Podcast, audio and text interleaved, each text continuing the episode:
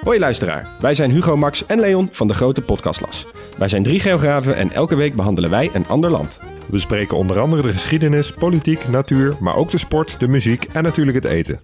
De nijlpaarden van Pablo Escobar, de vele bunkers van Albanië en het verschil tussen een sheik en een emir zijn zomaar wat voorbeelden die langskomen.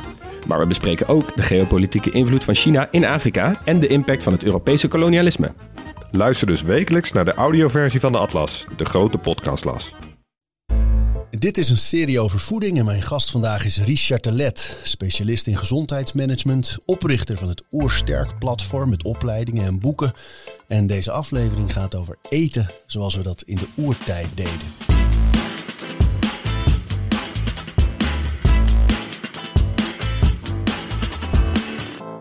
Richard, oersterk. Hebben we het dan echt over eten zoals we in de oertijd deden? Ja, klopt. Uh, Oersterk gaat over een natuurlijk voedingspatroon. Omdat we als mens natuurlijk geworden zijn, letterlijk ons lichaam, hè, qua, qua organen en qua hormoonsystemen en qua biofeedbackmechanismes, dankzij de omstandigheden in de omgeving, in de oeromgeving. En uh, ja, daar was natuurlijk alleen maar natuurlijke voeding eh, verkrijgbaar. Dus ja, de mens ongeveer 200.000 jaar oud. Dus best interessant natuurlijk, sommigen zeggen 160.000 jaar. Maar dat we zo 152.000 jaar minimaal alleen maar oervoeding hebben kunnen eten. En, want er was geen uh, Alpro sojabeek of Fristi meer of, uh, of chipstruik.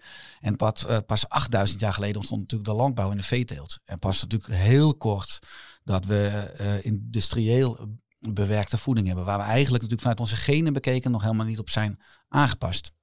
En, en, en als je het is het, is, het is geen dieet. Het is echt een leefstijl, hè, hoe je dat ziet. Ja, ik zie het woord dieet meer als een korte tijd anders eten. En dan weer terugvallen in je oude voedingspatroon. Maar ik zie het als een voedingspatroon. Dus gewoon gezonde uh, voedingsgewoontes of rituelen.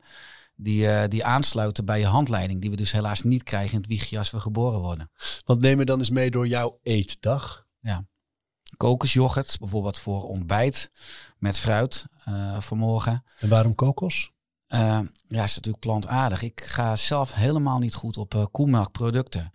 Het caseïne, het eiwit in koemelk, uh, kan de insulinereceptor, dus kan voor insulineresistentie zoeken, zorgen. Dus ongevoeligheid voor het hormoon ins insuline. Wat ook terug kan komen in onder andere darm, ook huidproblemen, acne. Dus als ik een chocoladereep eet, dan vooral melkchocola of een bakje kwark of yoghurt, heb ik morgen heb ik, enorm veel pukkels en gewoon puisten. Dus aangezien ik regelmatig interviews heb of fotosessies is dat voor mij een goede stok achter de deur. Want het is soms wel lekker. Maar daarom kokosjoghurt. Ja. Ah, oké. En dat eet je met?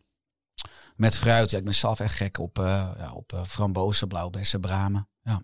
En is er nog een gedachte achter die samenstelling? Of gewoon omdat je die heel lekker vindt? Nou ja, en ook uh, rijk aan antioxi antioxidanten en vitamines en mineralen. Ja. En even, hè, want dat antioxidanten wordt natuurlijk, komt vaak voorbij. Maar wat, wat doet dat nou precies, zo'n antioxidant? Ja, het moderne leven staat bol van uh, ja, eigenlijk stressoren. Dus allerlei factoren die het lichaam stress geven. We gaan nu vooral in op voeding. Dus dan kunnen we gaan praten over een uh, verkeerde balans in de vetzuren. Dus um, omega-6 vetzuren of geraffineerd suiker. Of voor heel veel mensen ook granen met gluten. Of heel veel mensen zijn wat gevoelig voor koemelkproducten. En natuurlijk ook pakjes en zakjes. Maar dat verstoort eigenlijk de bacteriën in je darm, de darmflora, ook wel het microbioom genoemd. En al die stressoren, die stressprikkels, die zorgen voor oxidatie. Dus een soort pro-ontstekingsstofjes of factoren. En antioxidanten zijn juist stoffen die eigenlijk dat bufferen, dat neg uh, negatieve effect wegvangen. Waardoor we relatief uh, ja, veel meer voedings- of leeffoutjes kunnen maken, omdat we ook uh, de compensatie aanwezig hebben. Kokosjoghurt, ja. beetje frambozen, blauwe bessen, ja. misschien een aardbeidje erbij. Ja. Ja, en ik uh, moest uh, op tijd uh, de trein hebben voor deze podcast. Dus op vrijdag in Heemskerk is dat altijd de markt, de lokale markt. Dus ik ben langs de viskraam gelopen. En ik heb twee haringen en met, met veel uitjes. anders vind ik haring nooit zo lekker. En twee broodjes makreel. Maar dat jij erachter... Zo, dat lekkere lunch. Nou ja, zeker. Als je het uh, tot zes uur wil uithouden, dan moet je wel natuurlijk wat uh, voldoende eiwitten en vetten hebben. Ja. Maar jij zegt, ik vind uh, haring eigenlijk helemaal niet zo lekker, tenzij die uitjes erbij. Dan neem je hem dus echt omdat het goed voor je is. Ja, ik kan wel steeds meer ook functioneel eten. Ja? ja. Ja. En waarom kies jij dan voor zo'n echt heel vissige lunch? Met, met twee soorten vis zelfs? Nou, omdat het nu, eh, het is ook gewoon snel. In die geval, je loopt eventjes naar de marktkraam en, eh, en, eh, en die vrouw die snijdt die haringen voor me die klaar liggen. En die broodjes makreel zijn er ook. Normaal gesproken steek ik wat meer tijd in mijn lunch. Bak ik een omelet met paddenstoelen. Of ik hou echt van, van salades met veel verschillende ingrediënten. Notenzaden of een eitje. Ik ben ook echt gek, op soepen. Zeker voor, voor lunch. Maar aangezien ik dus nu de trein in moest, vond ik ideaal om, om dat gewoon mee te nemen. En dan kon ik in de trein lekker, lekker smikkelen. En dan weet ik druk dus- in, je, in, je, in de wagon, wou ik zeggen. nou, eerste klas is altijd wel rustig. Dus, eh Kom wel een eh, haring stinken. nou ja, eh, het scheelde wel, denk ik inderdaad, dat mensen niet te dicht bij me kwamen. Ja, ja. die uitjes. Ja. Dus heb je eigenlijk twee soorten lunch van jouw dag al beschreven. En het avondeten? ja vaak gestoomde of geroerbakte groenten, mm, oerkoolhydraten. Wat zijn dus dat? Dat is de pompoen, dat is de knolselderij, de koolraap, zoete aardappel. Ja. De pastinaak, ook echt een fantastische. Waar dus- haal je die dingen? Want ik kan me voorstellen dat mensen zeggen... ja, maar koolraap, pastinaak, dat ligt niet bij de meeste supermarkten, toch? Jawel, jawel Ja? dat vind je bij de Jumbo, bij de Albert Heijn, eh pastinaak, eh eh knolselderij, koolraap. Eh, in principe vind je dat nu, eh, ik denk ook zelf bij de Lidl, die natuurlijk Dus veel vergeten groenten zijn niet meer vergeten. Gelukkig niet, nee. We, want dat zijn eigenlijk oerkoolhydraten. Dus dat, dat noem je dan cellulaire koolhydraten. Dus de, de, de glucose, de suikers zijn omgeven door een celmembraan van cellulose. En je ziet dat we die, die celmembraan eigenlijk pas lager in de spijsvertering, in de maag en in de slokdarm, eigenlijk dat die suikers vrijkomen. En dat zijn eigenlijk dus de oerkoolhydraten. Want we hebben nu heel veel acellulaire koolhydraten. Dus brood en pasta, rijst en aardappelen en vruchtensappen en frisdranken. Die zijn dus niet omgeven door een celmembraan. Die komen eigenlijk al vrij in de mond. En dan zie je dat dus letterlijk de bacteriesamenstelling in de mond, de mondflora verandert. Ook de slokdarmflora en ook de, ook de maagflora eigenlijk in de hele darm. Maar daarom zie je dat mensen dus andere bacteriën kunnen ineens in de mond leven. En daardoor heeft de mens bijvoorbeeld eh, parodontitis, maar ook gaatjes. Eh, nou, als je dat doortrekt natuurlijk kunnen zelf wortelpunten aangevreten worden, kunnen tanden uitvallen. Maar het is natuurlijk fascinerend dat de oermens nooit gaatjes had. eh, en een fantastisch gebit had. En dat heeft vooral te maken dat die kon alleen maar een ander soort suikers eten. En koolhydraten, de oerkoolhydraten. Cellulaire En koolhydraten. is dat ook, want je noemde nu cellulair en, eh en acellulair. Ehm, is dat ook het snelle en het langzame? Snelle koolhydraten, Ja. langzame koolhydraten? Ja, ja, dat wordt dan weer de glycemische index. Of eigenlijk nog beter de glycemische zit er lading lekker in meteen, Ries. Nou ja, dus als je dus, eh, het is logisch natuurlijk, als je eerst die buitenkant van zo'n cel, hè, die bestaat uit taaie ce- cellulose, moet afbreken, dat kost meer energie en tijd, waardoor de suikers geleidelijk vrijkomen. Niet alleen maar in je spijsvertering, automatisch goed, ook in het bloed. Dat is heel goed. En met die acellulaire koolhydraten zie je dat het gelijk, nou inderdaad in het bloed opgenomen kan worden. ja, dat je even heel Waardoor je een piekt enorme stijging krijgt aan, ja, aan bloedsuiker. En vooral ook aan insuline. En te hoog insuline zorgt natuurlijk weer voor eh ja, insulineresistentie, ongevoeligheid. Wat een rode loper is naar laaggradige ontsteking. Waar we straks nog wel wat, wat dieper op terugkomen. Wat weer natuurlijk één op één samenhangt met westerse welvaartsziekten. Dus zo is voeding, alles wat je eet en drinkt, voor heel veel mensen is voeden functioneel. Ik ben gewoon, ik heb trek, mijn lichaam heeft energie nodig. Maar je kunt eigenlijk je hele ja, mens zijn of je hele vorming en ook de kans op een vitale toekomst, maar ook eigenlijk de hoeveelheid energie vandaag beïnvloedt je eigenlijk met iedere hap. Zo joh. Hey, en eh, we hebben drie maaltijden een beetje omschreven. Hè? Mhm. Eh, geen tussendoortjes. Nee, dus als je kijkt naar de basis van een oersterk voedingspatroon, kan je enerzijds kijken naar dus de voedingssamenstelling, wat we net al een beetje deden, anderzijds ook naar de maaltijdfrequentie. Dus eigenlijk zouden we als mens, als homo sapiens, ook als we kijken hoe we ontwikkeld zijn, konden we nooit vaak eten. Dus daarom eet maximaal drie keer per dag in die tussendoortjes. Die zou je eigenlijk naar de maaltijd mogen schuiven. En dan zeggen mensen vaak als je dat zegt, want ik- ben daar zelf ook groot voorstander van, drie maaltijden. Het mogen stevige maaltijden zijn, maar daartussendoor liever niet, eh, liever niet eten. Klopt. Ehm, dan zeggen mensen vaak, nee, maar dan, eh, oh, ik moet om vier uur echt even, echt even iets, iets binnenkrijgen. Of ik, of ik word flauw, of Ja. ik, ik ga bibberen. Of... Wat zeg jij dan als ze dat zeggen? Dat is juist een goed argument om niet te eten, want anders voed je het symptoom. Het is een symptoom van dat je insulinegevoeligheid al verminderd is. Nou, als je optimaal gezond bent, dan ben je heel insulinegevoelig. Uh, dat betekent, kijk, gezondheid is flexibiliteit. Dat betekent dat je in theorie tien keer per dag kan eten. Dat kan iedereen nu. Maar ook één keer per dag kan eten. Dat kan bijna niemand meer. Want daar, daarvoor heb je een goede insulinegevoeligheid nodig. Nou, als je dus licht in je hoofd wordt, of je gaat zweten, of je wordt trillerig, dan is dat juist een signaal waarvoor heel veel mensen gaan eten. Zeg ik moet eten, ik kan niet zonder tussendoortjes of wat dan ook. Een signaal dat je insulinegevoeligheid niet goed is. Als je daar niet naar luistert, dus niets eet, dan dwing je je lichaam of je fysiologie, je stofwisseling, om te switchen van de suikerverbranding naar de vetverbranding. Maar de vetten kunnen pas goed aangesproken worden als insuline lager is, of eigenlijk optimaal laag is. Maar omdat over het algemeen die mensen te vaak eten, en vaak wat ze eten ook te veel koolhydraten en suikers, is insuline eigenlijk bij hun continu verhoogd. Waardoor ze eigenlijk die vetten, die, de duurzaamste brandstof, niet meer goed kunnen aanspreken.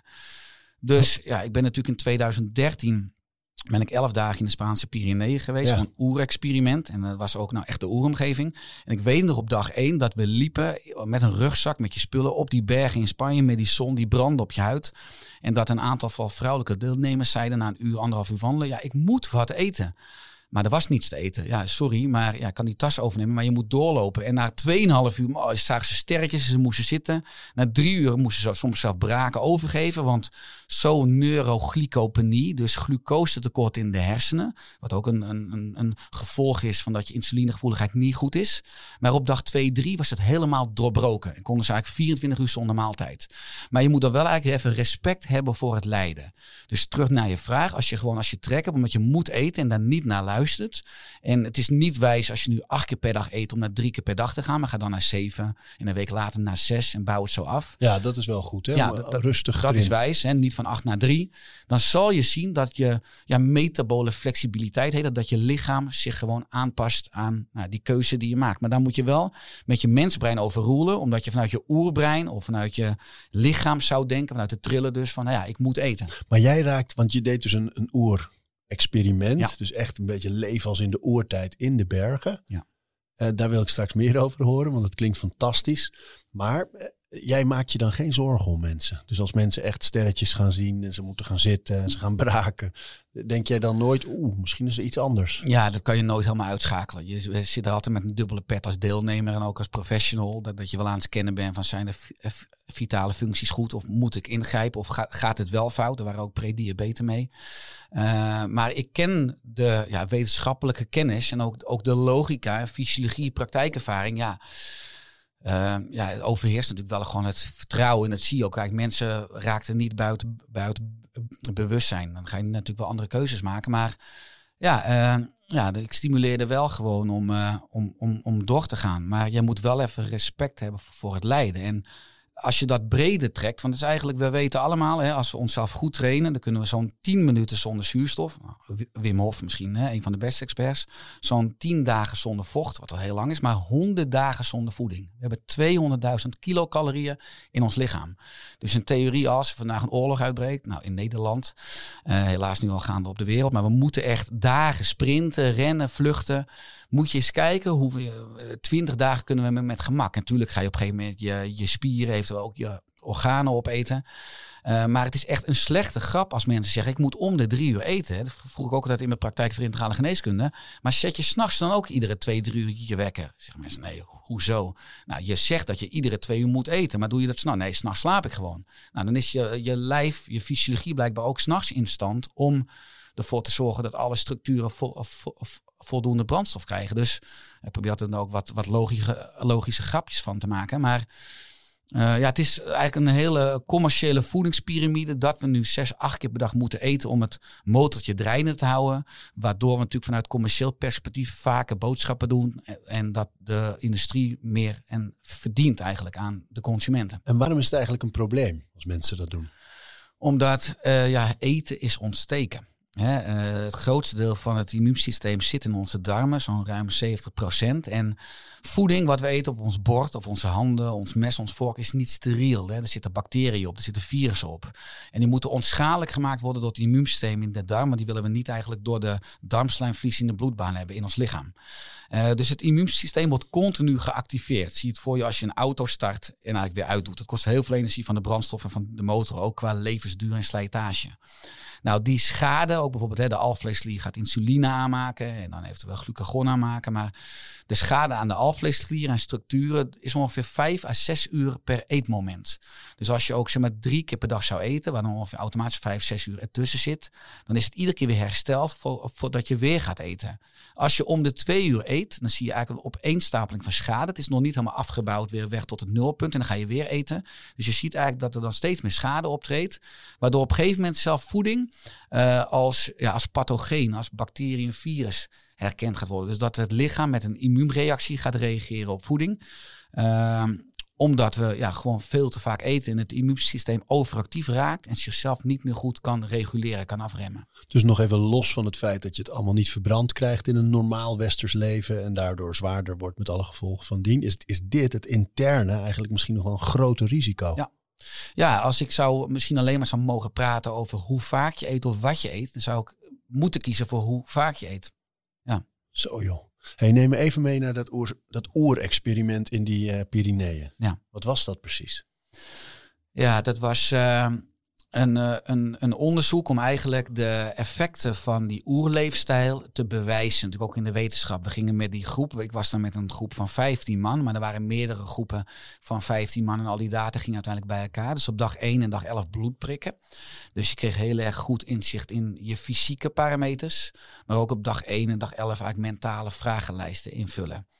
En wat je ziet is natuurlijk in het moderne leven ook, is het eigenlijk onmogelijk om 100% oer te leven. Om elke keer de juiste gezonde keuze te maken. Omdat we eigenlijk allemaal voor de bijl gaan met de onnatuurlijke voeding. Of met het comfort. Of met de schermpjes. En dat, nou, die moest je eigen ook inleveren. Dus je had gewoon een groep van 15 mensen. Je had een rugtas. Uh, en je moest iedere nou, dag zes uur tot acht uur per dag lopen in de warme zon. Uh, nou ja, ik kon niet vaak drinken. Hè, maar als, er dan, als je bij een drinkplaats kwam, ja, dan kon ik vanaf de tweede dag al anderhalve liter per keer drinken. Maar je kon eigenlijk maar twee of drie keer per dag drinken. Zo, zonder ja. klosbuik. Ja, ja, ja, dag één een klosbuik. Ja, dat gaat niet lukken. Maar je lichaam past zich zo snel aan. Je moet wel, want je zweet ook veel. Dus vanaf dag twee kon ik al. Ja, dus het heet eigenlijk bulk drinken. Dus niet vaak drinken. Want dat is ook niet goed voor het immuunsysteem. En mensen die de hele dag nu met die doppers in die bidons lopen en de hele tijd slokjes. Ja, vertel me daar, voordat we verder gaan met, oer, met het ja. oerexperiment. Want dankzij jou ben ik dat ook gaan doen, dat bulk drinken. Dat ik dat bij jou voor het eerste keer hoorde. Van niet de hele dag doordrinken en aan je liters komen, maar een paar keer per dag echt wel een halve liter of soms ja. wel 700 milliliter ja. uh, achter elkaar. Hè? Ja. Waarom is dat zo belangrijk? Nou, het moderne leven uh, zit vol met ja, chronische stressoren, eigenlijk op alle leefstijlgebieden. Uh, we gaan nu specifiek in op voeding. Daarom zouden we veel meer acute stress in ons leven niet mogen, maar moeten uitnodigen, waardoor we stresstoleranter worden. En als je een halve liter drinkt, dan breng je eigenlijk je spijsvertering, je hormoonbalans, je stofwisseling eigenlijk uit balans. Maar als gevolg daarvan word je sterker, word je gezonder, kun je beter met stress omgaan. Het is hetzelfde bijvoorbeeld als je een marathon loopt. Hè, onder het lopen van een marathon ben je spieren aan het afbreken. We hebben heel veel spierschade, is niet per se gezond. Maar na de marathon, in de herstel altijd word je sterker, word je gezonder. Nou, we zouden veel meer acute stressoren, dat zijn eigenlijk hormetische prikkels, dus het hangt af van de dosis, hè, die, die bepaalt of het giftig is of niet, in ons leven mogen uitnodigen, waardoor we veel stresstoleranter worden, maar ook vooral het antioxidantsysteem geprikkeld wordt. Dat is het NRF2-systeem in het lichaam, wat je ook met allerlei kruiden en specerijen, dus echt met de medicijnen uit de natuur kunt beïnvloeden, maar ook het anti-ontstekingssysteem. De moderne mens is ontstoken. Omdat hij nou, zes tot acht keer per dag eet. Omdat hij te veel bewerkte koolhydraten eet. Omdat hij minimaal acht uur per dag op zijn gat zit. Omdat Stress. Hij te weinig slaapt. Te veel achter schermpje zit. En dat kan je ook enorm positief stimuleren. Onder andere dus met bulk drinken. Oké, okay, dus het gaat er eigenlijk meer om wat je ermee creëert. Dan dat dat de hele dag door slokjes nemen misschien fout zou zijn. Uh, nou, beide. Ik, ik, geef mij persoonlijk ook heel veel rust. Als ik opsta en dan drink ik uh, drie tot vijf glazen water. Om tien uur s morgens, en dan heb ik een bakje espresso, drink ik ook vier, vijf glazen water. En om twee uur, half drie s middags, drink ik ook vier, vijf glazen water. En dan ben ik verder gewoon klaar. En daaromheen drink ik een kopje thee of een espressootje. Of s'avonds een goed glas rode wijn. Uh, maar ik, je, je bent niet de hele dag meer bezig ja, met drinken. Je checklist gewoon, ja. die is afgevinkt. Ja. ja. Zeg, maar heb je niet dat je, als je dat in de ochtend doet, dat je heel vaak naar de wc moet? Nou, ik moet zeker in de loop van de ochtend uh, moet ik ja, dan va vaak, of tenminste niet vaak, maar als ik pas plas je heel veel. Uh, maar ja, in die zin ben ik al een beetje gewend aan dat ritme. En Ja, ja, dat is ik, het, heb, eh, ik ben mijn eigen slaaf, ik heb mijn eigen bedrijf, ik heb een eigen luxe kantoor. En eh, ja, als man kan je gelukkig overal plassen. Terug naar het oer-experiment. Van, Ja, dus ja, wat ik aangaf is dat je dus echt in de natuurlijke omgeving leeft. Eh, ja, zonder al het comfort, gewoon in de groep met menselijke verbinding. En dat je eigenlijk de verkeerde keuze niet eh, kon maken. Dus je werd gedwongen om veel te bewegen. Want je moest op zoek naar, nou, in deze context, naar voeding, naar drinken. Maar ook weer naar een slaapplaats, naar veiligheid, maar ook naar warmte. Het was s'nachts zeker ook heel koud. Eh, maar dat was wel inderdaad de omgeving waar ik ja, mijn eerste eend slachtte. Eh, mijn eerste kip slachten.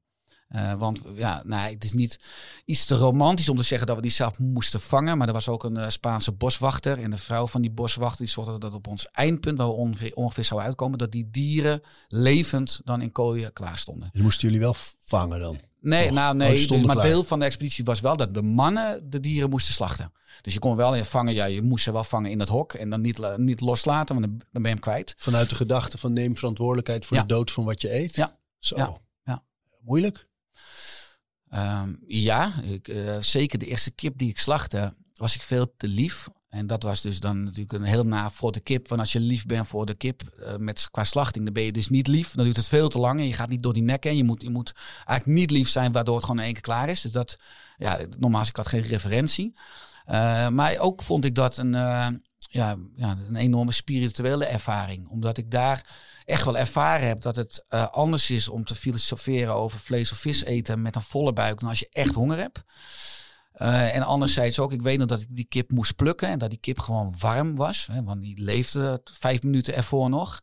En dat ik ook eh, ja, zo verguld was van dankbaarheid en van natuurlijke kringlopen. En ook zo respect voor de hele kringloop van het leven, waardoor je ook met nou, enorme aandacht dus ook dat, dat dier ging eten. Nou, het is eh, bijna kwantumfysica is natuurlijk buiten het niveau van de zintuigen waar geen leven en dood is. Er is in mijn optiek alleen maar transformatie, alles verandert. Ook als ik overlijd, dan wordt mijn lichaam weer opgenomen en dat, dat maakt een onderdeel uit van de broccoli of van de koe of van. Dus die, die, die filosofie had ik al een beetje rationeel, maar daardoor voelde ik het echt. En dat vond ik zo'n mooie, ook spirituele ervaring als je het hebt over, over het eten van dan een dier of van vlees. Ja. En hoe sliepen jullie? Uh, ja, in een, in een slaapzak uh, die we dan wel mee mochten nemen. Uh, maar onder een rots. of ja, we moesten echt iedere keer een slaapplek zien te krijgen. Ook één keer aan het water. Dat was verschrikkelijk. Maar er waren heel veel muggen. Dus ik weet nog wel dat, ik, dat, dat je helemaal terugtrekt in die slaapzak. Maar dat ik gek werd en dat je ja, bijna geen, geen uur slaap had. Waardoor je die volgende dag weer, nou, een beetje rugzak weer acht uur ging lopen. Maar gewoon buiten altijd. Dus ja, als het donker werd s'avonds, je hebt daar geen horizonvervuiling qua licht, echt pikdonker. Dus dan ging je slapen en uh, ja, als de zon opkwam, dus ook die natuurlijke ritmes ja, kwamen weer terug. Ritme? En uh, ja, je begon je dag gelijk met vitale eiwitten. Want die insecten liepen over je slaapzak heen en die pak je dan, dan gelijk als snack. Nee, dat is een flauwe grap hoor. Oh. Maar, uh, nee, maar, nee, ik had nee, je zo geloofd hoor. Nee, nee. Nou, insect is trouwens wel een goede afslag qua duurzaamheid als je het hebt over uh, dierlijke producten. Maar ja, heel erg die natuurlijke ritmes kwamen terug. Wat natuurlijk weer echt samenhangt met uh, daglicht, uh, de nucleus suprachiasmaticus, dus in het brein, die alle hormoonritmes en orgaanfuncties synchroniseert. Dus je zag eigenlijk dat iedereen, ook waren heel veel mensen met chronische ziekte, na zeven dagen ja, weer helemaal in balans uh, waren. En ja, dat is echt de kracht van de natuur natuurlijk. Als je op voedingsgebied, beweeggebied, ontspangebied, slaapgebied, alles 100% goed doet. Ja. Wauw man, en de uitkomsten van het experiment? Ja, ja, sensationeel natuurlijk als je dan praat over, uh, over, de, de, wetenschap. Maar je zag dat ja, mensen met reuma tot uh, diabetes, tot mensen met migraine. Maar ook gewoon mensen die al gezond waren. Als je gaat kijken, ook als ik toen keek naar mijn bloedwaarde. Ik, ik ben nog nooit meer ook zo vitaal geweest als toen. Als je kijkt naar mijn levenfunctie. Als je kijkt naar mijn immuunsysteem, high sensitive CRP. Want ik zat onder de wondjes. Uh, want je liep een korte broek en een t-shirt. Maar er waren natuurlijk ook op die bergen heel veel rozemarijnstruiken en prikkelstruiken. zat helemaal onder. Maar hoe vuiler aan de buitenkant, hoe schoner aan de binnenkant. Het immuunsysteem moet aan de buitenkant te zitten. Maar omdat we nu st steriel leven of nooit meer op blote voeten lopen of zonder handschoenen in de tuin werken, slaat het immuunsysteem naar binnen toe. Want het kan niet uitstaan. En ook gaat non-steriele ontsteking in vetweefsel of in organen. Het hoort aan de buitenkant, maar daarom hoor je wondjes te hebben. Maar ook als je kijkt naar mijn nierfunctie, naar mijn glucose, naar mijn insuline, maar alvlees kon in de Pyreneeën gewoon tien dagen in de hangmat liggen. Omdat hij geen insuline hoefde te maken. Omdat ik zoveel bewoog dat alle glucose die ik binnenkreeg opgenomen kon worden zonder insuline. Omdat ik mijn spieren gebruikte. Dus dat is zoals het altijd geweest is.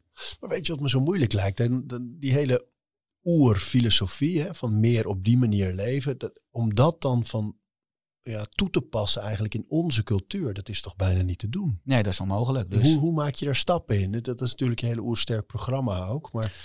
Nou ja, als ik hem uh, dus dan hoog overga, als je kijkt op het gebied van voeding, is gewoon het beste advies waar je mee kan starten, zeker als voeding nieuw voor je is. Uh, vermijd alle geraffineerde suikers. Ga gewoon etiketten kijken. En sowieso voeding uit handen van de natuur ben je veilig. Door mensenhanden neem het met maximale twijfel aan. Dus meer dan vijf ingrediënten. Of als je kinderen de ingrediëntennamen niet kunnen uitspreken. Heel extreem, alles met een barcode. Wees kritisch. Uh, op het niveau van bewegen, ja, kijk kritisch naar stoelen. Dus ik heb in mijn kantoor geen stoel meer. Dus ik, kan niet, ik heb gewoon een stabureau. Uh, en op het niveau van ontspanning, vooral het beheersen van schermpje van je smartphone voor de meeste mensen. Dus ik heb bijvoorbeeld op social media ingesteld op mijn smartphone. kan ik aan een uur per dag op en dan, dan gaat de blokkade erop. Dus om maar te zorgen dat je weer meer naar buiten toe gaat of voor ontspanning. Maar, Is dat met een app? Ja. Hoe heet die? Uh, nee, dat kan je gewoon uh, instellen. Sorry, bij instellingen. Ik heb een iPhone. Bij instellingen kan je gewoon uh, schermtijd instellen. En ook per app, bij social media apps kan je instellen tot maximaal een uur. Zo. Ja, dus het is gewoon bij de instellingen van je iPhone zelf. Zelfregulatie. Nou ja, dat is dus, dus weer ons instinct. Hè. We hebben namelijk vanuit de evolutie een voorkeur voor zoet en zout. op het gebied van voeding hebben we een evolutionaire erfenis van overeten. Als je extra kan eten, als je extra calorieën kan binnenkrijgen, doe het nou. Want van de evolutie was het altijd onzeker, volgende week of volgende maand, of er wel voldoende calorieën zijn. Nou, dat zie je natuurlijk heel mooi terug. Ik ben ook veel in hotels, bij, bij Van der Volk. Als je s'morgens kijkt bij het buffet. Hoeveel mensen nog een extra rondje gaan bij het ontbijt. En dan doen ze die ontbijtkoek in een plastic in een kontzak en die wasa-cracker. Dus ook omdat het gratis is, hè, ja, voor een gevoel. En dat zijn vaak de mensen waar je dan naar, naar kijkt, metabool. En dat je dan denkt, je had beter kunnen vasten in plaats van ontbijten. Want je hebt nog voldoende voorraadschuren wat al aan je lichaam hangt. dat is natuurlijk ook interessant hoe die mensen metabool uit balans zijn. Uh, Wat bedoel jij? zegt steeds dat metabool. Wat bedoel je daarmee? Ja, het metabolisme is eigenlijk een, uh, een, een ander woord voor stofwisseling. En de, mo de moderne mensen heet eigenlijk metaflammatie. Dus je stofwisseling en je immuunsysteem zijn nauw met elkaar verbonden. En heel veel mensen zijn dus ontstoken metaflammatie. Bijvoorbeeld omdat ze acht keer per dag eten. Omdat ze te veel bewerkte koolhydraten, pakjes en zakjes eten. Ja. En we waren bij het buffet. Die onderbrak je eigenlijk. Je zei ze hebben die, die voorraad schuren aan hun lichaam hangen. Dus die nee, maar eigenlijk... dus dat je daar al aan ziet, dus de voorkeur om dan toch weer voeding mee te nemen. Omdat we nou eenmaal dat instinct hebben voor, uh, voor overeten. Uh, dus enerzijds is dat, dus de evolutie zorgt er via dat instinct voor dat we zoveel mogelijk calorieën, energie binnenkrijgen. Nou, de andere instinct is dat we een voorkeur hebben voor stilzitten. Dus een soort magneet in onze kont. En de evolutionaire functie van dat instinct is dat we zo weinig mogelijk energie verbruiken. Dus netto zoveel mogelijk eten en netto zo weinig mogelijk bewegen die twee zorgen er samen voor dat je zoveel mogelijk energie behoudt. Maar die instincten, die hebben er ook voor gezorgd dat we in 2022 zijn. Die zijn altijd voordeliger geweest in een natuurlijke oorspronkelijke omgeving. Maar keren in een onnatuurlijke omgeving, de, huidige moderne maatschappij, keren ze zich tegen ons. En daarom zie je dat eigenlijk de moderne mens nu ten onder gaat aan zijn evolutionaire succes. Wow, kun je die verder uitleggen?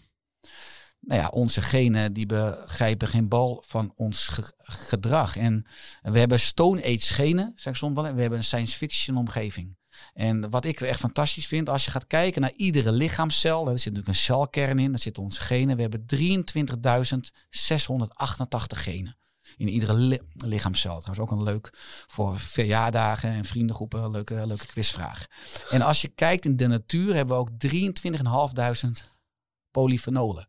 Geneeskrachtige stoffen. Dus daaruit kan je uit concluderen dat bijna iedere oplossing is in de natuur aanwezig. Als je gaat kijken naar de plantenwereld, dus ook fytotherapie. Maar planten zijn ook de stamvaders van de moderne groenten. Uh, dus, dus daarom zouden ook veel meer groenten en kruiden en specerijen zouden veel meer variatie mogen eten. Omdat dat, dat eigenlijk al de preventieve medicijnen zijn, de noodzakelijke behoeften voor het lichaam zodat alles optimaal kan functioneren. Want als alles in het lichaam optimaal functioneert, ook omdat het op voedingsgebied alles krijgt, omdat we ook niet te vaak eten, dan heeft het lichaam geen enkele reden om signalen te geven. In de geneeskunde waar ik opgeleid ben, noemen we dat klachten. Maar de natuur wil niet dood. En wil niet ziek worden. Het is gewoon een biofeedback-mechanisme, eigenlijk van je lichaam, geest, ziel mechanisme, om je te laten weten dat er wat uit balans is in je leefpatroon. En vaak is het natuurlijk ook een deel voedingspatroon. En je hebt het over kruiden, over planten, over. Als je nou eens een soort uh, leidraad moet geven hè, van mensen. Van stel, mensen luisteren hiernaar en denken: ah, dit is de manier waarop ik wil gaan eten. Dit wordt mijn nieuwe eetpatroon. Hoe kun je dat nou in grote lijnen? Waar, waar vind je hou vast? Wat zijn de dingen die ik dan moet eten? Ja, het zijn om, om, om de grote groep aan te noemen. Dus uh, de paddenstoelen, uh, groentes, uh, fruit, kruiden, specerijen, noten, zaden. ook wel een beetje peulvruchten. maar ook gevogelte vis, ja, een beetje vlees, wild vooral wild. Ik, ik heb zelf niet veel met supermarktvlees. Ik ben ook, als je kijkt ook naar dierenwelzijn en ethiek en verantwoordelijkheid die we ook hebben. Uh, ik interviewde laatst uh, Mirjam Lenswood, die als nomade leeft en die jaagt ook. En in de, als ze als nomade leeft, dan jaagt ze en is één met de, met de natuur en natuurlijke kringlopen. En eet ze vitaal vlees. En eigenlijk is een vitaal dier Ieder dier die rent, vliegt, springt of zwemt, in zijn natuurlijke habitat kan leven en ook zijn natuurlijke voeding eet. Dan heb je veel eiwitten, veel omega-3 en anti-ontstekingsvlees. Nou, in de bio-industrie hebben we natuurlijk heel veel, vooral granen en mais. Mais is fructose, waar dieren zo eigenlijk dik en zo snel mogelijk hè, uh, afgemaakt kunnen worden voor de kiloknaller. Ja, plus die dieren krijgen allerlei antibiotica. Precies. dan kunnen we beter niet eten. Dan kunnen we beter vegan zijn. En wat ik interessant vond, Mirjam zei, als ik gewoon hier in het moderne leven ben, dan ben ik vegan. Want ik eet geen supermarktvlees. Dat is geen vlees. Daar heb je eigenlijk gelijk in. Maar als ik weer als nomade leef, dan eet ik wel wild. En dat vind ik in principe ook wel, uh, wel een sterke. Maar dat zijn wel een beetje de grote groepen als je het hebt over oervoeding. Ja. En dan hebben we het over vlees. Hè?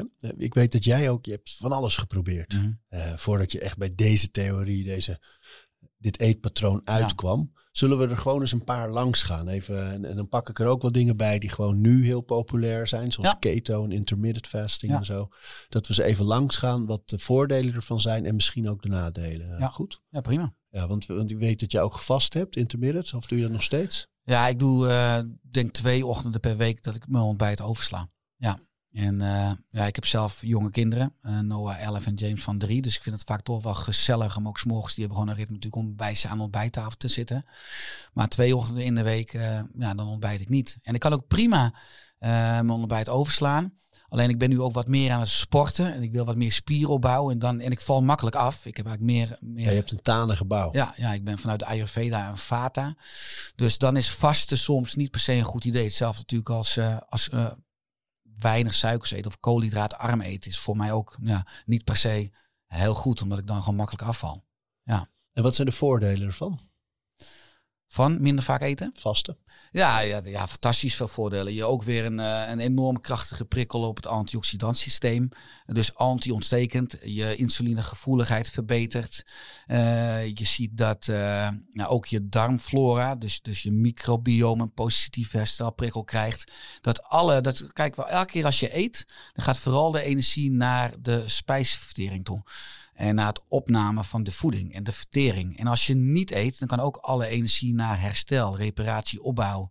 Ook een proces dat heet autofagie. Dus ook het opruimen van beschadigde celonderdelen. Dus relatief ook wat minder vaak eten. Wat je in alle blue zones ook ziet. Die mensen eten per definitie gematigd. Zie je ook dat het eigenlijk uh, verjongend werkt. Of juist anti-verouderend. Want als je iedere dag gewoon vijf keer eet uh, dan ben je eigenlijk versneld aan het verouderen. Omdat je, omdat je te weinig reparatie, opbouw, herstel. En ook eigenlijk als je hebt over de geneeskunde, over echt genezing. is het per definitie natuurlijk ook geen goed idee om acht keer per dag te eten.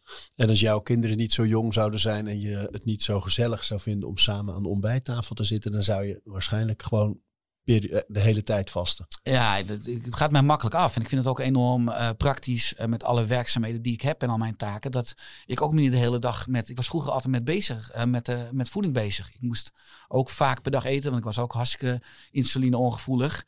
En nu geeft het me zoveel rust ook gewoon dat eten niet meer per se een must is. Ik kan prima een maaltijd overslaan. Ja.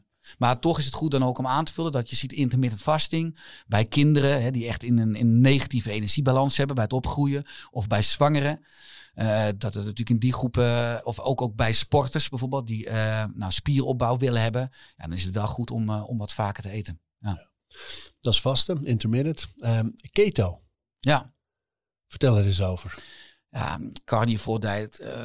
keto is natuurlijk vooral ook heel veel vetten. En heel veel eiwitten. Relatief weinig koolhydraten. Had ik het goed samen als ik zeg uh, vetrijk, koolhydraatarm? Ja, voor mij is het maximaal 50 gram koolhydraten per dag. Uh, ja, dus dan eet je heel veel, nou, ja, bijvoorbeeld lappen vlees. Uh, en vooral de vruchten, natuurlijk ook avocado. heb ik ook wel gedaan, maar het is ten eerste lastig vol te houden in het moderne leven. Je ziet natuurlijk wel allerlei positieve effecten in de stofwisseling uh, optreden, ook in de wetenschappelijke literatuur. Bij epilepsie is het natuurlijk begonnen dat, dat we erachter kwamen dat een ketogeen dieet extreem goed werkt. Vanwege die vet ook? Ja, ja, omdat je natuurlijk stoffen aanmaakt die ook heel goed door de hersenen als brandstof gebruikt kunnen worden. Waardoor de energiestofwisseling in het brein verbetert. Waardoor epilepsie, uh, wat ook een soort energiemanagementstoornis in het brein is, uh, voor een groot deel oplost. Ja, dus, dus daar hangt het ketogeen uh, dieet eigenlijk eerst in de literatuur mee samen, maar ook natuurlijk bij. We hebben heel veel uh, mensen die zijn pre-diabetes. We, we, hebben natuurlijk heel veel diabetes. Er komen iedere dag 147 mensen. Ook vandaag krijgen de, de diagnose: u hebt diabetes type 2. En gisteren en morgen. En dat neemt alleen maar toe. Dus en uh, met een ketogeen dieet kan je natuurlijk dat enorm weer terugdraaien en stabiliseren. Alleen ja, het is natuurlijk ook voor een groot deel dierlijk. Uh, het is ja, in, in de moderne maatschappelijke gemiddelde eetpatroon ja, ben je natuurlijk echt een afwijker. En is het lastig om in, veel, in de sociale context ook vol te houden. Uh, dus dat vond ik ook echt lastig. Ja. En, en je kan natuurlijk met uh, de vingerprikjes kan je natuurlijk meten, ook die, ook die vetzuren in je bloed. maar ook om, om daar te blijven, en af, af en toe als je smokkelt, het is best complex. En ik merk ook dat ik wel wat meer suikers en koolhydraten nodig heb. Ja. Want over koolhydraten, hè, dat is ook natuurlijk deze jaren heel erg aan de hand. Dat mensen denken, ja, als je af wil vallen, moet je gewoon al die koolhydraten gaan schrappen. Ja. Um, de meeste mensen weten dat dat nou ook weer niet de bedoeling is. Maar uh, is koolhydraatarm eten, is het nou, zou je dat gezond kunnen noemen? Uh, ja, voor veel mensen wel een korte tijd. Omdat heel de moderne mensen eet veel te veel bewerkte koolhydraten. Eet iedere dag te veel brood en pasta en rijst, nadappelen en frisdrank en vruchtensappen en koekjes en snoepjes. Uh, maar ook voor een groot deel van de mensen is het niet wijs als je het te lang doet. Want het is niet per se slecht of gezond of ongezond een koolhydraat. Maar dan kom ik weer terug wat ik eerder zei. Een cellulaire koolhydraat, een oerkoolhydraat is fantastisch. De pastinaak, de pompoen, de knolselderij, de koolraap, ook een stukje zoete aardappel. De acellulaire koolhydraten, dus ook dan de brood en de pasta en de rijst en nou, die eh, frisdranken, vruchtensappen. Ja, dat beperk ik echt wel heel erg veel. En uh, daar voel ik me eigenlijk prima bij. Dus de oerkoolhydraten kunnen ook nu in de winter in stampotten. Is fantastisch. Dat is gewoon, dat is zo rijk aan energie. Maar zit in die cellen en het zit ook veel rijker aan vitamines en mineralen. De gewone aardappel, wat natuurlijk een nachtschadefamilie is. Hè, de zoete aardappel is uit de windenfamilie. Uh, en even over die, want mensen die niet een tuin hebben, die denken nu, ja, wat maakt het uit, nachtschade? Maar nachtschade is giftig, toch? Ja, ja, nou, vooral s'nachts. Dat is natuurlijk leuk. Hè? Als de zon op zijn hoogste punt is, uh, dan zitten bijna alle. Een plant, nou ik zal een beetje open deur Een plant kan niet wegrennen hè, als, er, als er roofdieren zijn. Dat is ook heel logisch als je zo al denkt. Dus een plant moet zich op zijn plek beschermen tegen allerlei beestjes of prooien of roofdieren die de plant willen aanvreten. Dus die maakt giftige stofjes aan. Nou, uh, al die beestjes, vooral als de zon op de hoogste punt van de, van de dag, dan zijn die beestjes in de grond, want het is veel te heet. En als de zon weer gaat zakken, dus richting de avond en de nacht, komen die beestjes weer uit de grond. En dan worden dus die negatieve stofjes aangemaakt, eigenlijk die bitterheidsstofjes, waardoor die planten minder snel aangevreten worden en dat die planten dus blijven leven. En die stofjes kunnen een negatief effect hebben op onze stofwisseling. En vooral s'nachts, daarom zouden we s'nachts eigenlijk geen groenten mogen oogsten, maar ook nu de, de groenten in de moderne kas. dat is ook uh, de lichtspectrum soms van oosten alsof het nacht is. En dan zie je dat die nachtschade negatieve stofjes hebben uh, die een irriterend effect kunnen hebben op ons darmslijmvlies. Hè. De, de darmcellen zitten aan elkaar vast, zitten een stukje uit elkaar met uh, met een soort schuifdeuren. En stofjes uit nachtschade, maar ook bijvoorbeeld uit granen of uit pulvruchten, zijn lectines en saponines, waaronder gluten, kunnen die, die, dat slijmvlies en die schuifdeurtjes irriteren, waardoor de darm relatief wat verhoogd doorlaatbaar wordt. En onder die darmcellen liggen immuuncellen, die gaan daarop reageren als stoffen doorheen lekken. En dat leidt op lange termijn tot laaggradige ontsteking. Zeker als je het niet goed verdraagt. Wat heel veel mensen doen. Heel veel mensen kunnen niet goed tegen uh, bijvoorbeeld tegen ei of tegen chocola. Of tegen noten, zaden of peulvrucht of granen met gluten of koemelk. Zijn dat soort, uh, ja, we noemen het snel allergieën of intoleranties. Is dat terug te draaien? Ja, ja, ja, zeker. Ik heb heel veel uh, mensen in mijn praktijk begeleid die, uh, bij wie dat teruggedraaid is. Uh, je kan nooit altijd of nooit zeggen. Het interessante is maar ook meer, je kan natuurlijk wel gewoon met voeding en meer met eiwitten, met collageen, met aminozuren ook ervoor zorgen dat dat darmslijmvlies helemaal heelt. Of met aloe vera sap is ook enorm helend, de plant op, uh, op darmslijmvlies en de darmbacteriën. Maar vaak spelen er bij voedselovervoeligheden, of bijna altijd, ook emotionele uh, componenten mee. Dat je iets afweert, dat je een onbewust conflict hebt. Nou, ik werk in mijn praktijk altijd heel erg uh, holistisch. Dus ik heb niet alleen maar het fysieke, maar ook het mentale, emotionele en spirituele. Ik neem die vier vlakken mee. Ik werk ook met kinesiologie, met spierentesten. Ik heb ook een testdoos met al mijn voedingsmiddelen, waar ik gewoon kan uittesten wat het lichaam stress geeft. Uh, maar ook op die andere domeinen. En als je dus mensen holistisch, wat eigenlijk is hoe ik opgeleid ben, ook met voeding. Als je, dan kan je het lichaam, werk je op het niveau van genezing. Maar als je ook het mentale, emotionele en spirituele meeneemt, dan werk je aan heling. En als, het, als je dus aan heling werkt, dan zie je zeker dat heel veel voedingsovergevoeligheden compleet oplossen. Mooi hè? Fantastisch, dat is de magie van het leven. Ja, ja, En ik zie mezelf ook als een soort tolk van het lichaam, uh, die in dienst staat om mensen bewust te maken van, uh, nogmaals, uh, als het lichaam alles krijgt, fysiek, mentaal, emotioneel, spiritueel, heeft geen enkele reden om klachten of ziekte te geven. Maar wat ontbreekt er nou? Of waar zit er een conflict? Wat wordt gemist? En je had het net over aloe vera, dat het zo helend is. Hè? Um, heb jij in jouw eigen eetpatroon van die dingetjes, van shotjes, drankjes, uh, ja, middeltjes eigenlijk, die je, die je neemt om nog een extra gezondheidsvoordeel te creëren? Nou, ik, uh, als ik opsta s morgens, drink ik veel water. Appelazijn gooi ik daar altijd in een scheutje. Dan neem ik ook daarbij altijd een, eh, een gembershotje, echt een puur gembershotje. En waarom die twee? Omdat uh, appelazijn ook uh, ontgiftend werkt. Het stimuleert ook de maagzuurproductie. En maagzuur is, nou, honderden functies, maar vooral het doden van bacteriën en virussen. Dus geen maag-darminfecties krijgen. De voorvertering van eiwitten en activatie van mineralen. Hè. Ons lichaam bestaat voor het grootste deel uit eiwitten, zijn enorm belangrijk. En mineralen zijn veel belangrijker dan vitamines. Loop maar eens een ziekenhuiszaal in, in die infuuspalen. Alleen maar mineralen hangen eraan die palen. En ook de vooractivatie, de intrinsic factor van vitamine B12. Dus de opname van van B12, waar heel veel mensen problemen mee hebben, kan je al positief stimuleren met appelazijn bijvoorbeeld en gember. Want gember is in het oosten echt het medicijn van het hart. dus het werkt op de lever, het werkt op de spijsvertering, maar ook echt op het hart. Uh, op het vaatstelsel. En die neem je dus eigenlijk op de nuchtere maag. Tenminste, zit water en appelen zijn, maar dan komt het gembershotje. Ja, ja, en dan neem ik daarna een kopje uh, Queen Matcha uh, thee. Dus echt Queen Matcha. En Queen Matcha is echt belachelijk hoog aan antioxidanten. Green als in groen. Ja, ja. Ja, van speciale theeblaadjes die allemaal met de hand geplukt zijn en gemalen, verpulverd. En ja, dat is bijzonder rijk aan, uh, aan antioxidanten. Ja. Dat neem je dan liever dan koffie? Uh, ja, ik vind espressootje altijd lekker, maar dat deed ik, maar daar werd ik gelijk zo hyper van. En die matcha. je praat al zo snel. Ja, dat is bij mij. Ja. Dus die matcha die heeft een heel erg uh, beter effect dan cafeïne. En dat zorgt eigenlijk voor veel meer energie en rust. En ook veel langer. Want na een espressootje heb je natuurlijk een uurtje en na weer een dingetje. En hoe maak je die? Is dat een, uh, een cup of een poeder? Of ja, dat is, dat is poeder. En dan neem ik een, nou ja, een, een, heel klein schepje uit. En dan doe ik heet water bij. En dat roer ik. En dan komt er een beetje schuim mooi, op. Mooi ritueel dus ook. Ja, dat is ook dat is uit Japan. Er zit ook echt zo'n dingetje bij waarmee het opschuimt. Is dat zo'n uh, met van die rieten ja, met dingetjes? Van die, ja, van die rieten raagjes. Kwastje van ja, riet. klopt, klopt. Ja, en dat, dat ben je al een minuutje. Dat is bijna al een meditatie. Ja. Dan ben je s'morgens in de keuken, terwijl mijn kippetjes, ben ik altijd in de achtertuin lopen de kippetjes. En mijn hond ga ik altijd dan, uh, en dan heb ik dat bakje op en dan ga ik uh, lekker naar, de, naar buiten toe. Ja. ja. Prachtig ritueel, joh.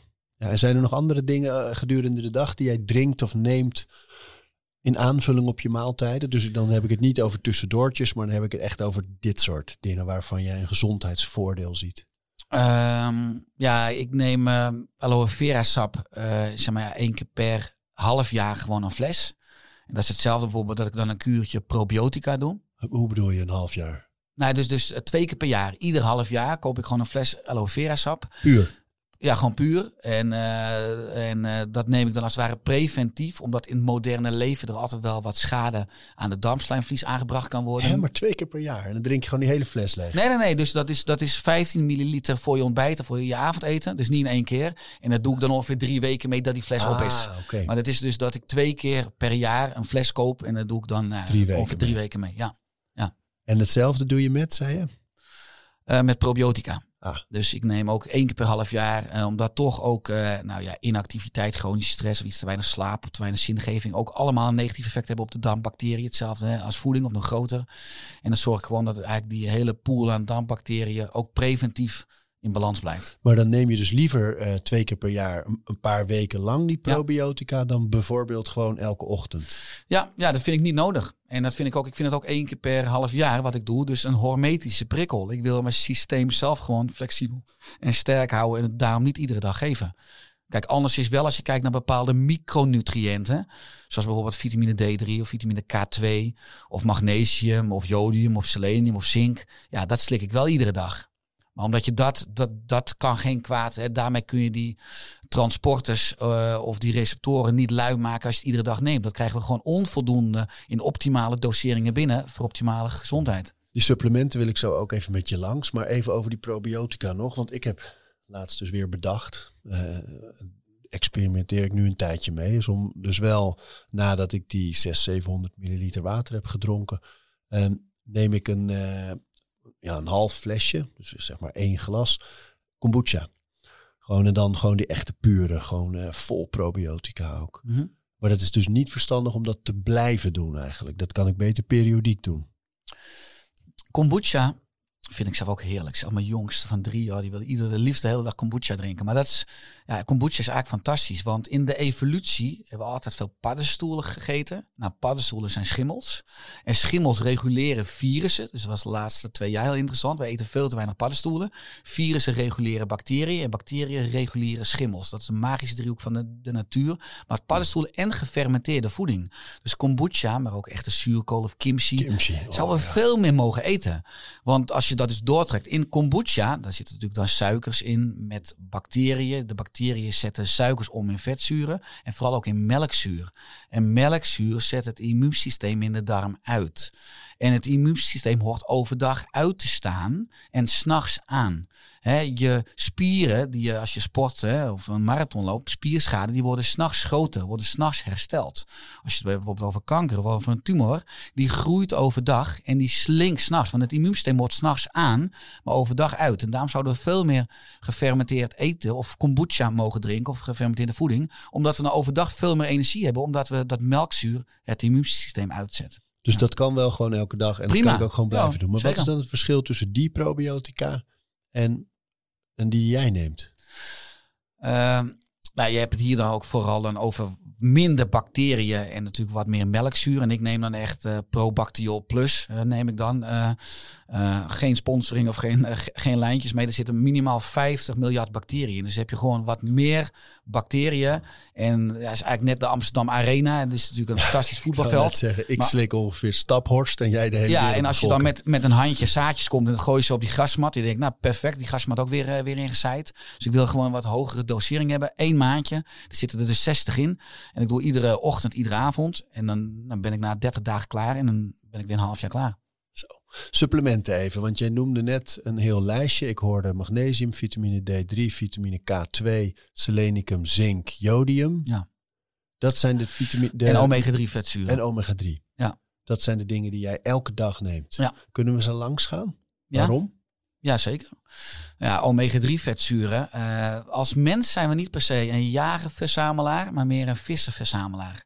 Hè, het land gaf een hele kleine kans van overleving. Eh, Richard Lee in het boek Man the Hunter beschrijft dat slechts 34% van de jaagpogingen slaagden. Laten wij met z'n tweeën maar eens een genoeg gaan vangen op de savanne in Afrika. Ook met een groepje. Nou, het is een, het is een uitdaging. Eh, maar het water... goede content. Ja, ja, zeker. Unieke content. Het, het water gaf altijd zekerheid van voedsel. Want er was altijd Wij hebben het trouwens wel eens thuis. Dat we hebben onze schapen staan in een wei. Maar regelmatig laat een van de kinderen het hekje openstaan. En dan gaan ze het erf op. Nou joh, voordat je zo'n schaap weer hebt. Al ben je met z'n vieren. Ja. Ja, nou dat heb ik dus met mijn kippen. Ik heb ook uh, bressenkippen. Dat zijn van die, van die Ja. witte kippen met rode kop en die blauwe poten. Ja, die zijn ook vrij. Als ik die moet vangen, die willen soms niet terug. Ja, ik denk dat mijn buren lol hebben. Ik ren als een idioot. Die, die thuis zijn veel sneller dan ik. Dus je moet met een bezem dan sturen. Maar dat is het, het- hetzelfde effect een beetje. Maar ga door. Ja. Eh, nee, maar eh, het water gaf altijd zekerheid van voedsel. Dus zeegroenten, schaal- en schelpdieren en vis.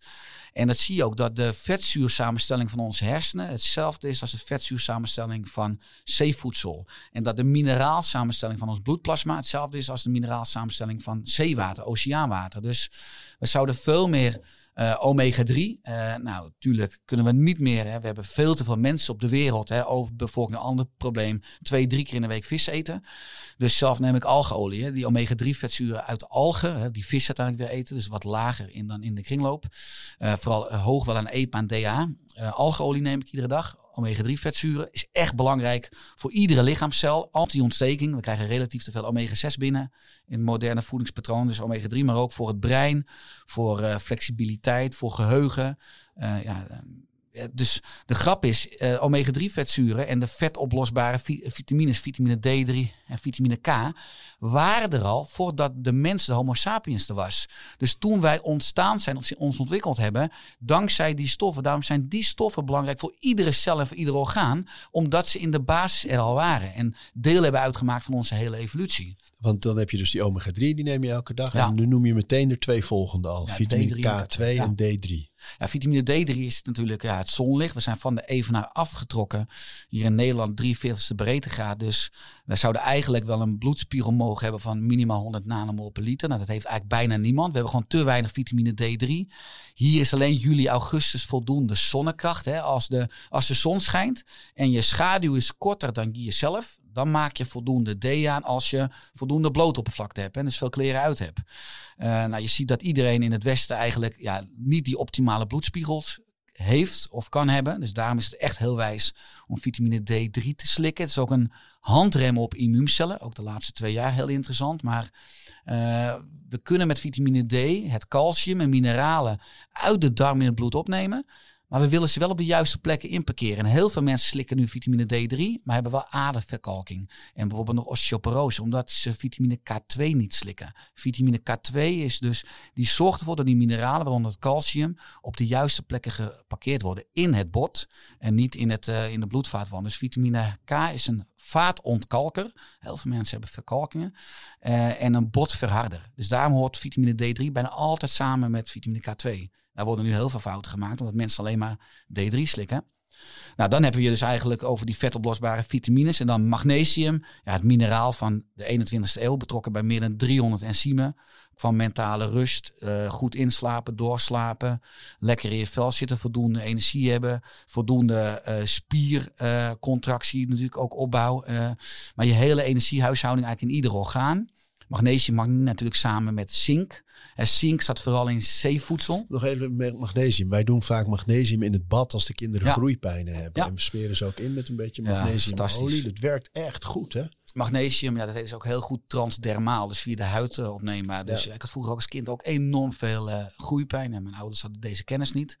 Eh, ik zie dat mijn kinderen trouwens per definitie al veel meer magnesium geven. En die hebben nooit groeipijn. Dus ja, je weet het niet. Maar, eh, maar dat werkt fantastisch. Ook een magnesiumbad. Ja, het wordt heel goed ook via de huid. En, en voor volwassenen, ehm, er zijn wel verschillende soorten. Hè? Ik, ik, ik heb er eentje nu, die neem ik overdag. Mhm. Eh, die is vooral gericht op sport en herstel en spieren. Ja. Ehm, maar er zijn ook veel mensen die nemen juist graag s'avonds magnesium, omdat je er ook wel beter door slaapt, zeggen ze. Mhm. Maar ehm, wat zijn de types en, en waarom verschilt dat? Ja, verschillende experts ook over. Maar je hebt magnesiumoxide. Ehm, gebruik ik het minst graag, omdat het eh, ja, wat minder opneembaar is.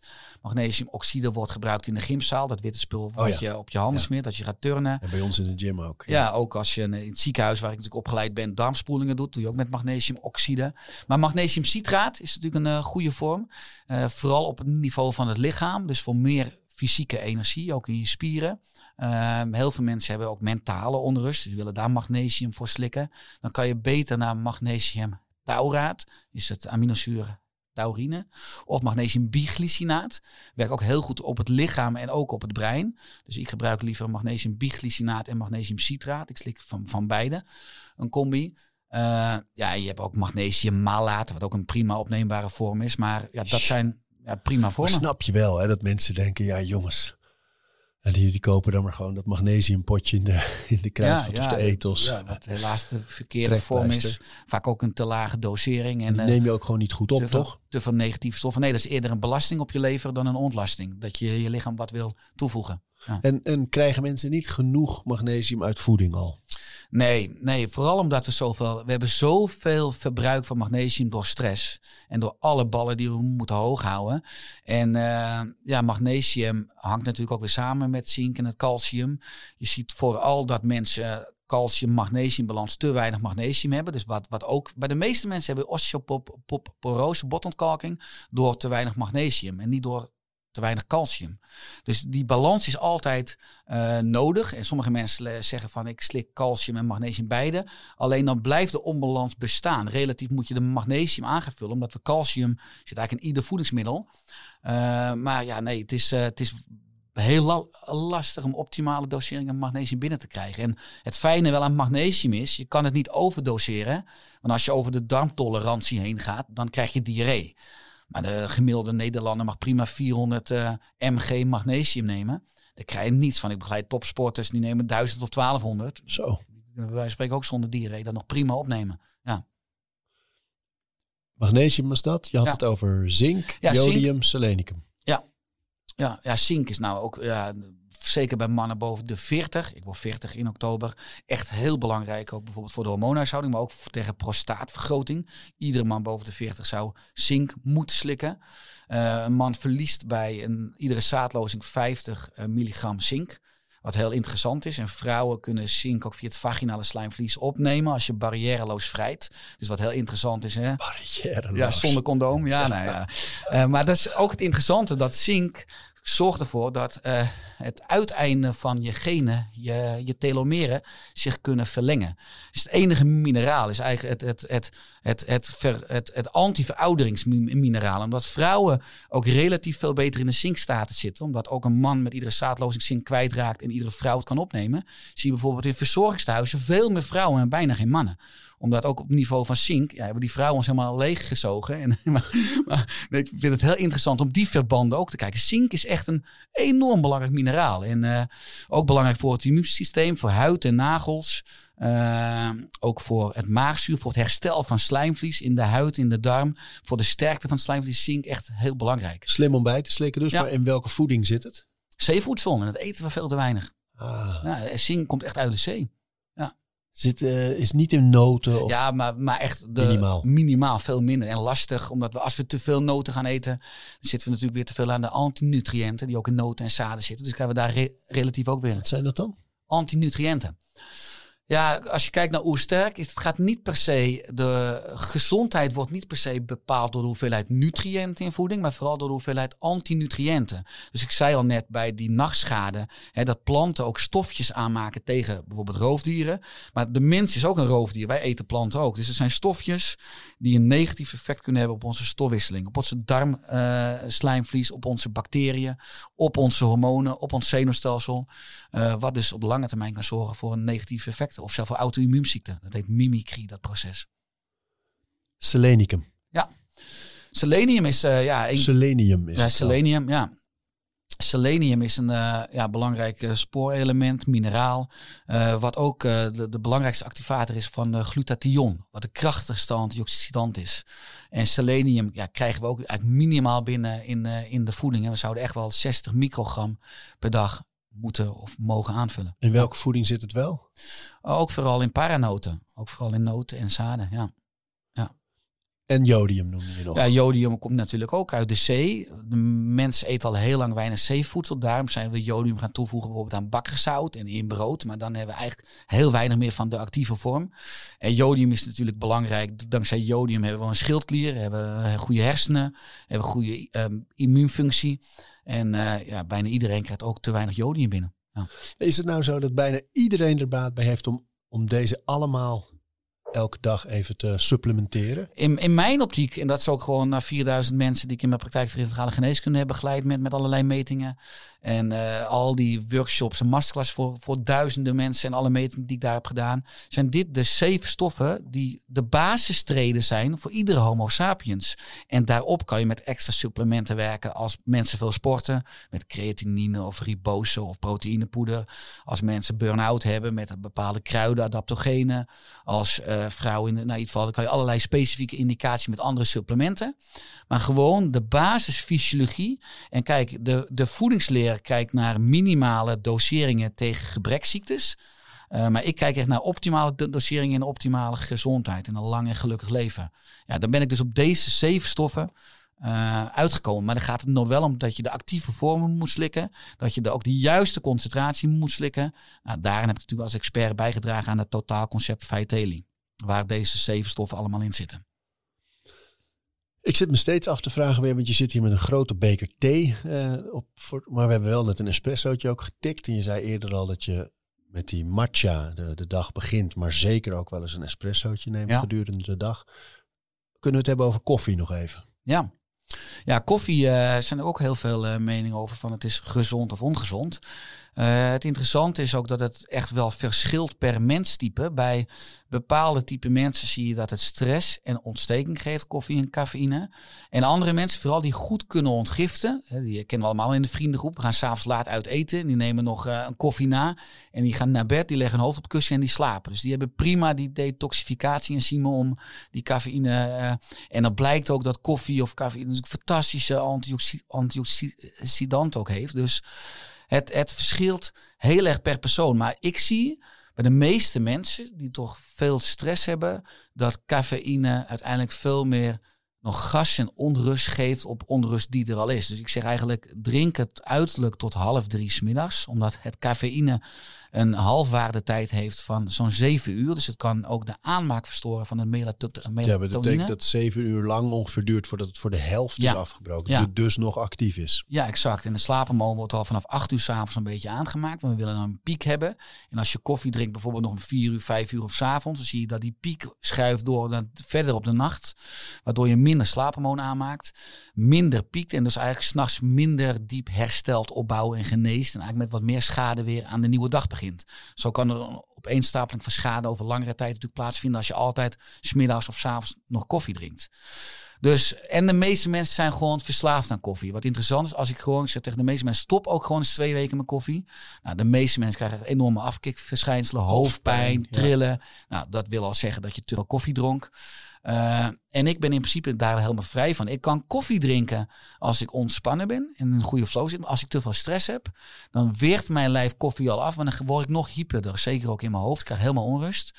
Dus ik, ik kan, als je het hebt over lichaamsbewustzijn, kan je in principe kan je gewoon al goed voelen als je iets wil eten of drinken. Je lichaam geeft het antwoord al. Ja.